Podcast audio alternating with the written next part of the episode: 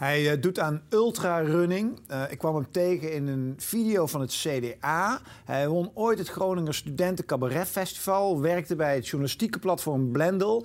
Uh, bij McKinsey als consultant. Vertelde net dat hij nog een blauwe maandag recht heeft gestudeerd. En is nu head of Benelux van het immens snel groeiende betaalplatform Stripe. Bij mij te gast, Duco van Landschot. Duco, van harte welkom. wat zegt het zeg maar, intro-verhaaltje over jou? Ja, ik vind dat een beetje, eh, een beetje, een beetje gek om zo over jezelf te beginnen. Ja, ik denk dat ik ervan hou om heel veel verschillende dingen te doen. Ja. En als ik iets ga doen dat ik leuk vind, dan word ik er vaak licht maniacaal in. Of dan doe ik het de hele dag. Ja, ja. Dus dat, misschien dat het dat... Uh, dat... Het is een heel divers uh, pakket aan dingen, hè? Wat, als je dat luistert, hè, wat, wat, wat blijft dat meest hangen? Zeg maar, als je even terugkijkt. Hoe bedoel je wat het best Nou, wat, wat, als je dus kijkt naar cabaret of naar ultrarunning of naar CDA, wat, zijn, wat is het belangrijkste uh, geweest? Nou, ik, ik, ik denk dat alles een beetje op, je op een andere manier vormt. Dus dat het, met het ultrarennen is het met name dat je soort van. Het draait meer om het mentaal dan om het fysiek eigenlijk. Want na 90 kilometer rennen voelt niemand zich goed. Nee. Dus is het meer hoe goed kun jij nog doorgaan na 90 kilometer en omgaan met alle blaren? Ja, bijvoorbeeld in de Sahara. Terwijl bij cabaret is het meer zelfvertrouwen en humor en creativiteit geweest. Dus ik denk dat je van al die verschillende dingen iets anders leert. En is niet één dat er, dat er voor mij uitspringt. Hmm. En hoe ben je met Stripe in contact gekomen, waar je nu Head of Benelux bent? Ja, via, via LinkedIn. Dus eigenlijk vrij, vrij veel Silicon Valley techbedrijven doen eigenlijk gewoon sourcen via LinkedIn. En maar als die source via LinkedIn, hoe, hoe, komen die dan, hoe matcht dat dan op dit profiel, zeg maar? Ja, ja volgens mij, als ik, het, als ik het me goed herinner, hebben ze een beetje gezocht op uh, hippe Nederlandse start-ups en iemand met een analytische achtergrond. Dus ik denk een beetje McKinsey en Blendel. En toen, uh, toen uh, werd ik benaderd door Stripe. En even voor de duidelijkheid, wat is Stripe? Ja, dus Stripe is wij maken infrastructuur voor mensen die een online business willen runnen. En om het iets specifieker te zijn, dus dat begon eigenlijk traditioneel met betalingen, online betalingen. Dus het was vroeger, als consument denk je dat het makkelijk is om online te betalen. Maar om als bedrijf of als individueel persoon die betalingen te accepteren, was altijd heel lastig. Dus wat wij dan hebben gedaan, is dat je op een snelle, gemakkelijke, veilige manier die betalingen kon accepteren. Daarnaast doet Stripe eigenlijk ook meer dan alleen betalingen. Dus dat was waar ze zijn begonnen, waar we eigenlijk vaak voor het grote publiek bij bekend zijn. Mhm. Maar wat we tegenwoordig ook doen is bijvoorbeeld uh, fraudesoftware met Stripe Radar. We doen data-analyse met Sigma en we hebben net Stripe Atlas vorig jaar gelanceerd. En wat, wat je met Atlas kan doen, is dat je een BV kan oprichten in de States van waar je maar ook ter wereld zit. En dat kun je doen via de Stripe API's. Dus wat het eigenlijk betekent is, er zijn natuurlijk ondernemers in overal in allemaal landen waarbij het eigenlijk vrij lastig is om een entiteit op te richten. En waar het vrij lastig is om wereldwijd zaken te doen. En uit 120 landen hebben dus oprichters van bedrijven zich nu gevestigd in de States via onze software.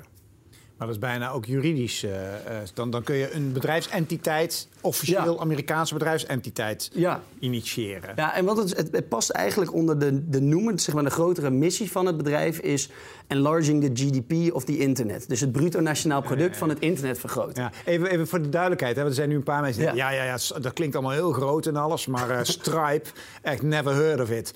schets het bedrijfje eens even. Nou ja, dus wij doen bijvoorbeeld de betalingen voor. Uh, we doen miljarden aan betalingen voor honderdduizenden bedrijven wereldwijd. En dat is van bijvoorbeeld Facebook, Twitter, Amazon. Naar dat ik ooit in een Airbnb in Londen zat. En dat degene, de Airbnb-host, had een heel klein webshopje voor sieraden. En die sieraden werden ook via Stripe gedaan. Gewaardeerd op inmiddels 9 miljard dollar of zoiets, geloof ik, hè, de tent, ja. totaal. Uh, de oprichters zijn een kleurrijk uh, duo. Vertel daar eens over. Nou, de oprichters zijn twee Ierse broers die uh, allebei in de, in de Verenigde Staten gaan studeren. En er eigenlijk bij altijd als zij een app aan het ontwikkelen waren, of altijd als zij zelf aan het developen waren, dan liepen ze tegen hetzelfde probleem aan. Het accepteren van betalingen was iets dat twee of drie weken duurde. Mm. En toen op een dag zeiden ze tegen elkaar: Nou ja, dat moet toch niet zo moeilijk zijn, laten we dat zelf eens gaan dat doen. Dat ze doet. Ja. Hè? En mega slim waarschijnlijk. Tenminste, ja. het zijn geen domme jongens. Nee, nee, zeker niet. En heel bescheiden ook. Dus ja. zijn slim, bescheiden. En eentje is een renner ook, hè? Ja, allebei. allebei. Heb je met ze gerend? Ja. ja. Oh ja? Waar? In Nederland ook? Uh, in Nederland, hier in het Vondelpark. Ah, ja? uh, in uh, San Francisco. allebei miljardair. In ieder geval, zoals het dan gaat, hè, op papier gewaardeerd. En, dus dus miljardairs. Hoe oud zijn ze nu? 20, zei je? 27 en 29. Ja, ja oké. Ze zijn al een tijdje bezig. Nu begonnen op hun 16e of zo, volgens mij. Het, zijn, ja. het is weer zo'n start-up verhaal, hè? Ja, en het is, en het is natuurlijk een en het is natuurlijk ook een mooi verhaal met de twee broers. Maar wat men soms wel vergeet te zeggen en wat zij vaak benadrukken is... er zit heel veel aandacht op hen, maar ze hebben natuurlijk ze hebben heel veel ervaren mensen... die Google, LinkedIn, andere bedrijven hebben groot gemaakt... hebben ze aangenomen in een vroeg stadium al. Ja.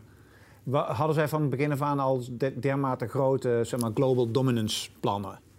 Hebben ze dat altijd al gehad? Nou ja, ja, ik denk dat, dat dat groeit wel met de jaren en het ontwikkelt zich. Ja. Het is niet dat je iets begint en dat je direct denkt... oh, wij worden de wereldspeler die enlarging the GDP of the internet gaan doen. Dat, dat, van de een op de andere dag dat dat gaat gebeuren. Maar het is best rap gegaan. Ja, ja. Dus... Uiteindelijk... Wie zijn concurrenten? Nou ja, ik, dat, is dat een PayPal ook? Of niet? Want, eh, nou, leg, leg, eens voor de, voor de niet zo... Ik, bedoel, ik weet best wel veel van online, maar het is nog best wel een... een hoe ziet die waardeketen eruit? Want je, hebt de, je hebt de merchants, hè, de site owners, dan heb je de payment providers, je hebt natuurlijk de banken. Hoe zit dat speelveld er een beetje... Schets dat is? Nou ja... Om, om, misschien te zeggen, uh, zeg maar, waar, wij goed, waar wij goed in zijn en wat we doen, is Stripe zorgt ervoor dat internetondernemers in een mum van tijd betalingen kunnen accepteren. En wij richten ons heel erg op developers. Dus uh, goede API, flexibele API, duidelijke documentatie, zodat het zo min mogelijk werk is wat voor je in Nederland bij een Molly ziet bijvoorbeeld. Ja, wat Molly ook bijvoorbeeld doet. Okay. Dan wat we daarnaast ook nog meer doen, is al die andere software, dus data-analyse, fraude, het oprichten van een bedrijf. Als je dan kijkt en je vergelijkt dat bijvoorbeeld met PayPal, dan is PayPal is voor consument is het heel gemakkelijk, kun je heel erg makkelijk mee betalen. Ja. Maar als je dat als developer wil integreren, nou, dan ben je er wel even mee bezig en dan is dat een stuk lastiger. Mm. En zij zijn eigenlijk een consumentenproduct wat je ook kan integreren als een soort payment service provider. En wij zijn meer een abstractielaag. En het maakt ons niet uit of jij met PayPal betaalt of met Ideal in Nederland of WeChat Pay en Alipay in China. Ja. Wij zeggen eigenlijk, wij willen gewoon dat je aan je consument de beste, de beste ehm, experience, experience kan aanbieden. En daarbij cijferen wij onszelf eigenlijk weg. Dus wij willen ook helemaal geen consumentenmerk zijn. Daarom kennen mensen ook niet. En we zijn er ook eigenlijk trots op. Want stel dat jij een, een eh, webshop hebt... of dat mensen willen afrekenen bij Seven Digits... en dan, waarom, zou, waarom zouden mensen dan moeten weten dat jij via Stripe afrekent? Nee, ze willen alleen maar weten ja. als ik het makkelijk vind om met PayPal af te rekenen... of met een creditcard Precies. of met mijn bankrekening. Precies. Ideal, boeien. Jullie zijn de Intel Insight van het betaalproces ja, eigenlijk. Exact. Ja. En uh, uh, even nog even over jouw rol. Hè? Uh, waarom heb je dit gedaan? Want wat ga je doen als head of Benelux? Nou, we, een aantal dingen. Waarom ik het heb gedaan, ja? was eigenlijk omdat ik al heel lang zat te denken... Nou, het lijkt me zo geweldig om voor een Silicon Valley techbedrijf... dat wereldwijd aan het schalen is... dan in Europa of in de Benelux het te helpen opzetten. Betekent wel concessieloos gewoon rossen waarschijnlijk. Ik bedoel, het is geen 40 uur baantje. Nee, nee, het is geen 40 uur baan, maar het is, het is wel... Uh, het is heel ondernemend, maar die 40 uur baan, ik denk ook altijd als je bijvoorbeeld kijkt naar de Zuidas. Heb, ik heb ook een tijd bij zo'n soort bedrijf gewerkt. En er werken mensen soms uren, uren en uren en uren. Ik denk dat ik nu misschien 50 of 60 uur werk. Maar in die 50 uur ben ik een stuk productiever dan ik was in die 80 uur. Want ik doe geen dingen waarvan ik de meerwaarde niet zie. Je hebt totale vrijheid. Je hebt heel weinig vergaderingen. Je hebt geen nutteloze e-mail. Je bent niet presentaties aan het maken om een presentaties aan het maken. Dus ik denk dat met die vrijheid om dan hier te ondernemen voor Stripe. Nou, waar zijn we mee bezig met het product lokaliseren? Dus we moesten Ideal lanceren in Nederland, bankcontact in België. Um, zorgen dat het is aangepast op de lokale voorkeuren van de bedrijven hier. En nu is het verder een heel groot stuk is business development, PR, marketing. Zorgen dat de developers in Nederland ons kennen. Wat is je eigen input of wat is je eigen uh, impact? Want wat je natuurlijk wel veel ziet is hè, dat je het risico hebt dat je toch een soort ja, aan, aan de lijn van uh, de Amerikaanse hut gewoon je ding moet uitrollen. In hoeverre heb jij echt een eigen impact vanuit de Benelux? Hoe belangrijk is dat? Nou, ik denk dat de Benelux is een hele belangrijke markt voor Stripe. Ja. En wij hebben, in Nederland hebben we wel eens een Calimero-effect. Wij denken altijd, oh, we wonen maar 17 miljoen mensen en zo groot is ons GDP niet. Maar als je hier kijkt, naar Amsterdam is een hele bloeiende start-up hub, ja. ook, ook in Europa. Dan heb je heel veel developers hier die met nieuwe businessmodellen uh, experimenteren. Wat ook een hele goede fit is voor Stripe. En bijvoorbeeld de, de Nederlandse online economie is bijna even groot als de Duitse. Dus die is 105 miljard hier, 110 miljard in Duitsland. Ja. Uh, Nederland staat derde op de Global Innovation Index. Dus als jij een techbedrijf bent dat zich focust op developers, dat zich focust op start-ups. Dan is Nederland gewoon. Ja, dan is Nederland een topland. Dat is helemaal geen Calimero-land. Vrijheid van denken, ja. assertief zeggen wat we Precies. denken. Zeer connected natuurlijk ook. Ja, en Nederlanders hebben ook een hele. Nederlanders die willen heel graag eh, experimenteren. Dus als je een product hebt en je zegt het werkt goed, we werken met zus en zo, zijn Nederlands heel erg snel geneigd om te zeggen, nou ja, laten we daarmee gaan werken. Hmm. Heb je kantoor of zo, fysiek? Ja, dus we zitten hier in uh, eh, TQ uh, eh, Tech Hub hier. Oké, oké. en met hoeveel mensen uh, zit je dan nu? Ja, dus we werken nu met ongeveer zes man aan de Benelux. Ja. Dus gedeelte hier, gedeelte Dublin, gedeelte vanuit Berlijn. Dus er wordt vrij veel remote gewerkt ook.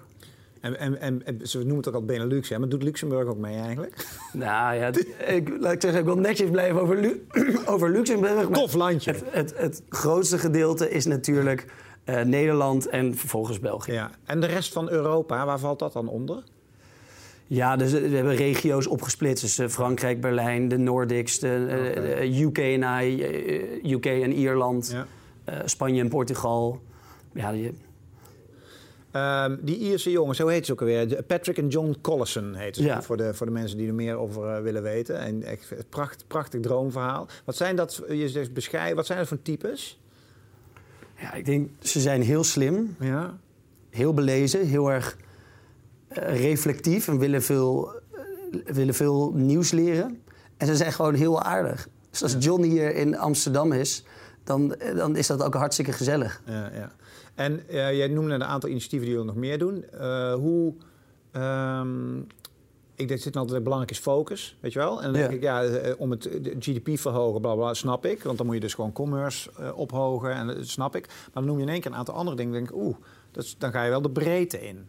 Uh, past dat ook in die overall strategy van het GDP verhogen? Ja, het past wel overkoepelend in de strategie dat, zeg maar, de, de, som der delen...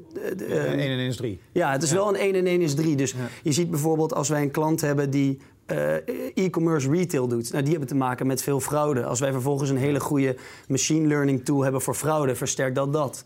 Als je een start-up hebt, dan moest je vroeger een eigen data warehouse bouwen. Daar kon je analyses op draaien. Nu kun je gewoon bij ons in je dashboard kun je in één keer een SQL query draaien. Dus het zijn al die dingen die helpen wel bij elkaar. Het feit dat wij een developerblad hebben, Increment, helpt natuurlijk aan het feit dat developers onze doelgroep zijn. Ja. Het feit dat je van overal ter wereld een entiteit in de VS kan oprichten en dat je globaal zaken kan gaan doen met een Stripe-account helpt natuurlijk ook aan het, overkoepelende, aan het overkoepelende plaatje. Dus ik heb niet het gevoel dat we nu dingen er aan toevoegen die opeens heel random of out of the blue zijn. De focus zit ja. strak. En in hoeverre ga je in de keten opschuiven? Want ik las, jullie hebben ook geïnvesteerd in een, uh, een, een, bank, een app-only bank, en Monzo. Een soort, bunk. Als ja. snel scannen. Ja, ja nee, dat is een goede toch? Ja. Uh, dus in, in hoeverre is dat puur een investment? Of is dat ook een strategische lijn om naar die, naar die bankwereld toe te bewegen? Ja, ik denk, wij, ik zeggen, wij zeggen publiekelijk niet veel over het, het waarom, maar de, beide, beide assumpties zijn natuurlijk wel logisch. Ja. En wat, hoe zie jij de bankwereld zich ontwikkelen? Nee, ik denk dat er, er wordt heel vaak, uh, en er wordt ook heel vaak bij mij op, op mijn bord geduwd. Het is wel opmerkelijk dat wij, jullie gaan de banken uh, kapot maken. Of jullie zijn concurrentie voor de banken. Maar dan, ik denk dat je dan heel erg voorbij gaat aan één ding. En dat is namelijk, het is heel lastig om wereldwijd betaalstromen te, te, voor elkaar te krijgen. En dus per definitie, om wereldwijd ehm, betalingen te kunnen accepteren en geld heen en weer te kunnen bewegen, moeten wij met heel veel partners samenwerken. Dus wij zijn op dit moment eigenlijk helemaal niet aan het concurreren met banken, maar wij zijn eerder een partner van banken. Mhm. Ja, precies. Je bent gewoon op een positieve manier het financiële speelveld aan het designen en aan het ontwikkelen. En alleen misschien in een wat rapper tempo dan de klassieke banken. Ja, maar, maar het is wel dat we elkaar nodig hebben. Ja. Dus het is niet zo dat er nu sprake is van een bepaalde concurrentie, maar eerder dat we samenwerken met veel banken. Ja, ja. Uh, hoe zie jij de, de toekomst van, uh, van betalen? Uh, dit, je hebt nu bijvoorbeeld wat langzamerhand wel bekend aan het raken is, ook in, in, in de brede zin, zo'n Amazon Go-achtig concept. Hè? Ja. Bedoel, als je naar landen als China kijkt, dan is de mobiel zo langzamerhand echt je portemonnee geworden. Nou, hier is dat nog niet zo. Ja. Hoe zie jij die toekomst van betalen? Nee, en hoe rap gaat dat? Ik denk dat het rapper gaat dan wij denken dat het zal gaan. En dat, dat het kernwoord eigenlijk frictieloos is. Ja, Dus wat je ziet is dat bijvoorbeeld bij, bij, eh, bij als zodra Apple Pay hier is gelanceerd en je hebt je creditcard heb je gekoppeld aan je telefoon, dan zul je zien hoe makkelijk eigenlijk betalen is. En dat wij niet allemaal hebben dat je eerst naar een andere site gaat en daar moet je wat invullen en dan zie je in je browser vijf dingen verspringen. Nou, dat is eigenlijk is dat niet iets dat zul je over tien jaar is mijn verwachtingen en veel eerder nog zul je dat niet meer zien. En in de fysieke wereld, als het gaat om hè, zo wat zo'n Amazon Go natuurlijk feilloos laat zien. Hè, je loopt de supermarkt in en je pakt je spullen, flikkert ze in je tas en je gaat weer weg. Ik zit te denken, waar ik op zit te wachten is tanken. Ik vind het nog steeds te agenebbes dat ik zeg maar... Gast, je ziet mijn nummerplaat. Ja. Eh, koppel hem aan mijn bankaccount, laat mij tanken Ja. en doorrijden. Hoe, dat soort ontwikkelingen, hebben we het dan over tien jaar of sneller? Ja, ik Het moet, is ook een lastig zo'n glazen bol, maar... Het is, het is heel lastig. Laat ik zeggen, ik, eh, voordat ik hier een uitspraak ga doen en dat die over tien jaar overal wordt herhaald, dat ik mezelf helemaal belachelijk heb gemaakt. Maar mijn- noem je het gewoon cabaret. Ja, Ja. precies. Dan zeg ik, was een stukje cabaret Ja. in een serieuze interview. Ja. Ehm, nee, ik denk sneller, sneller dan we zullen denken. Ja. Zonder een exact jaar het al te noemen. Ja, veranderingen korte termijn en veranderingen lange termijn. Ja, op een gegeven moment gaat het uh, poem. Het, ik mer- ik merk dat het nu wel snel gaat. Ehm, eh, en, en nog één toekomstbeeld wat ik van jou wil, is eh, eh, dat natuurlijk ook aan elke keukentafel nu bediscussieerd wordt, is cryptocurrency en blockchain. Want dat moet, daar moeten jullie op van alle hand vlakken mee. Wat zit je nou te lachen? Ja, want ik wist dat dit ging komen. Oh ja? Want in Nederland is Maar ik heb, ik heb hem niet als eerste vraag gesteld. nee, ik wist dat die ging komen, want het is zo'n hype in Nederland. Ja? Ja, ik kan niet een café binnenlopen of er staan, is dat iedereen staat zijn bitcoins ja, te kijken. Ja.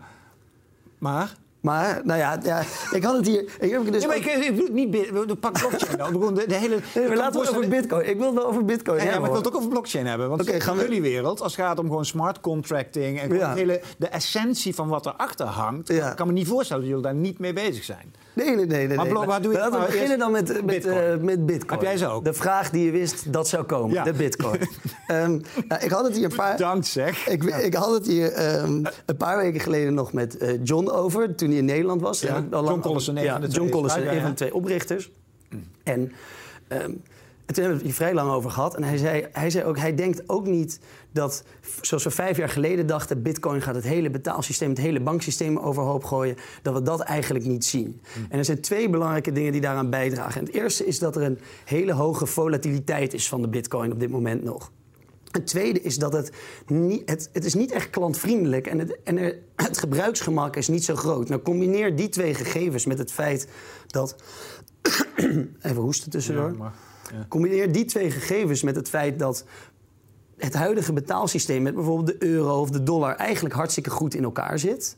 Nou, dan is onze verwachting niet dat wij hier over vijf jaar de kerstinkopen doen met bitcoins. Wat we wel zien is de hype, wat we wel zien is het beleggingsinstrument, meer eigenlijk als goud. Ja. En wellicht dat in een land waar het bank- of betaalsysteem niet goed functioneert, dat het wordt gaan gebruiken. Ja. Maar de verwachting is niet dat dat hier in Nederland over vijf jaar, dat wij, verwacht ik niet dat wij grootschalig met bitcoin aan het betalen zijn. Oké, dat is bitcoin. Ja. En de technologie die daaraan ten grondslag ligt... voor het hele financiële systeem en het Nou, contract... de, eh, kijk, de, de blockchain heeft natuurlijk veel voordelen. Een soort, de- voor de mensen die weten, een digitaal grootboek... waarin eigenlijk alles eh, publiekelijk staat wat alle betalingen zijn. Nou, dat heeft eh, natuurlijk bepaalde voordelen... maar het lost ook niet in één keer het hele bankaire systeem op. Of dat gaat het totaal niet vervangen. En dan, eh, een van de dingen, bijvoorbeeld het Bitcoin-netwerk... kost 40 keer meer stroom dan het Visa-netwerk. Volgens mij zag ik laatst ook, stond ook in de krant dat van één bitcoin kun je een jaar lang een huis van stroom voorzien. Zoiets. Niet de meest Volgens mij duurzame was het coin. gecheckt. En NRC heeft het nog gecheckt. Ik weet niet of het nou echt klopt, maar dit, dit hoorde ik in ieder geval. Dus ja, er zit potentie in. Maar om nou te zeggen dat het een heilige graal is die binnen vijf jaar hier alles heeft veranderd, dat denken wij van niet. Oké. Ehm, tot slot, wat staat op je, eh, zeg maar, je actie roadmap voor 2018? Wat ga je allemaal doen? Waar ga je je tanden in zetten? Waar ga je mee aan de slag? Ja, wat, eh, voor 2018, we zijn de laatste be- bezig met lokaliseren, eerste gebruikers, product. En 2018 wordt voor ons een jaar om echt grootschalig te gaan schalen met klanten. Dus we hebben het afgelopen jaar hebben we bijvoorbeeld eh, WeTransfer, eh Katawiki, die bijna 14 miljoen bezoekers op hun website hebben. eh Binder, de- ook wel eens door jullie Ja, geïnterviewd ja. hier. Maar ook Blendel, heel veel andere startups hebben we al aangesloten. En eigenlijk wordt 2018 het jaar van dit veel grootschaliger eh, nog schalen. Dus het wordt een topjaar. Nou, dat, eh, dat moet nog blijken. Laat ik Ja. zeggen, ehm, we kijken liever naar uitdagingen dan achteraf en ergens trots op zijn. Maar ik, Ja. ik denk dat als we goed, eh, goede executie doen, dat het een heel eh, interessant jaar kan worden. Hey, en de allerlaatste vraag waarvan je ook wist dat die zou komen natuurlijk. Van, is dat wel, welke vraag is dat? Nog een vraag die ik wist dat zou komen? Ja, ik, nee, deze wist ik niet. Nee? Uh, dat jij van Landschot heet. Oh ja, ik wist dat die ging komen. ja. ja. ja, maar het is gewoon bank en alles geld. Ja. Maar is dat een familie of zo? Ook die, zeg maar, is dat de van Landschot? Ja, ik heb hem verder niet ja. hoor, maar ja? Ja, ja dat was maar jou... een vraag waarvan ik wist dat die zou komen. Toch? Die zou ik gewoon met ja beantwoorden. Ja, oh, maar dat is niet zo.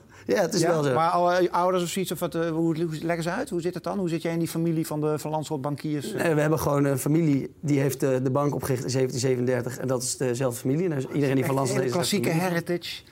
En, en vinden die het allemaal vet stoer dat jij nu Stripe doet? Nee, er zit weinig uh, familienostalgie in hoor. nee. Oké. Nee. Okay. Ik zou nog wel een uur door kunnen praten, maar tijd is op. Oh, nou, jammer. Dus, uh, volgende keer. Ja, volgende keer. Dank voor nu en heel veel succes met Stripe. Bedankt. Dankjewel, Duco. Dankjewel. En dank voor het kijken naar weer een uh, gesprek hier op 7ditch.tv. Wil je meer zien? Download onze app. Dan kun je kijken waar of luisteren wat je wil in de auto, onderweg, in de trein, wanneer je maar wil. Dankjewel. Hoi.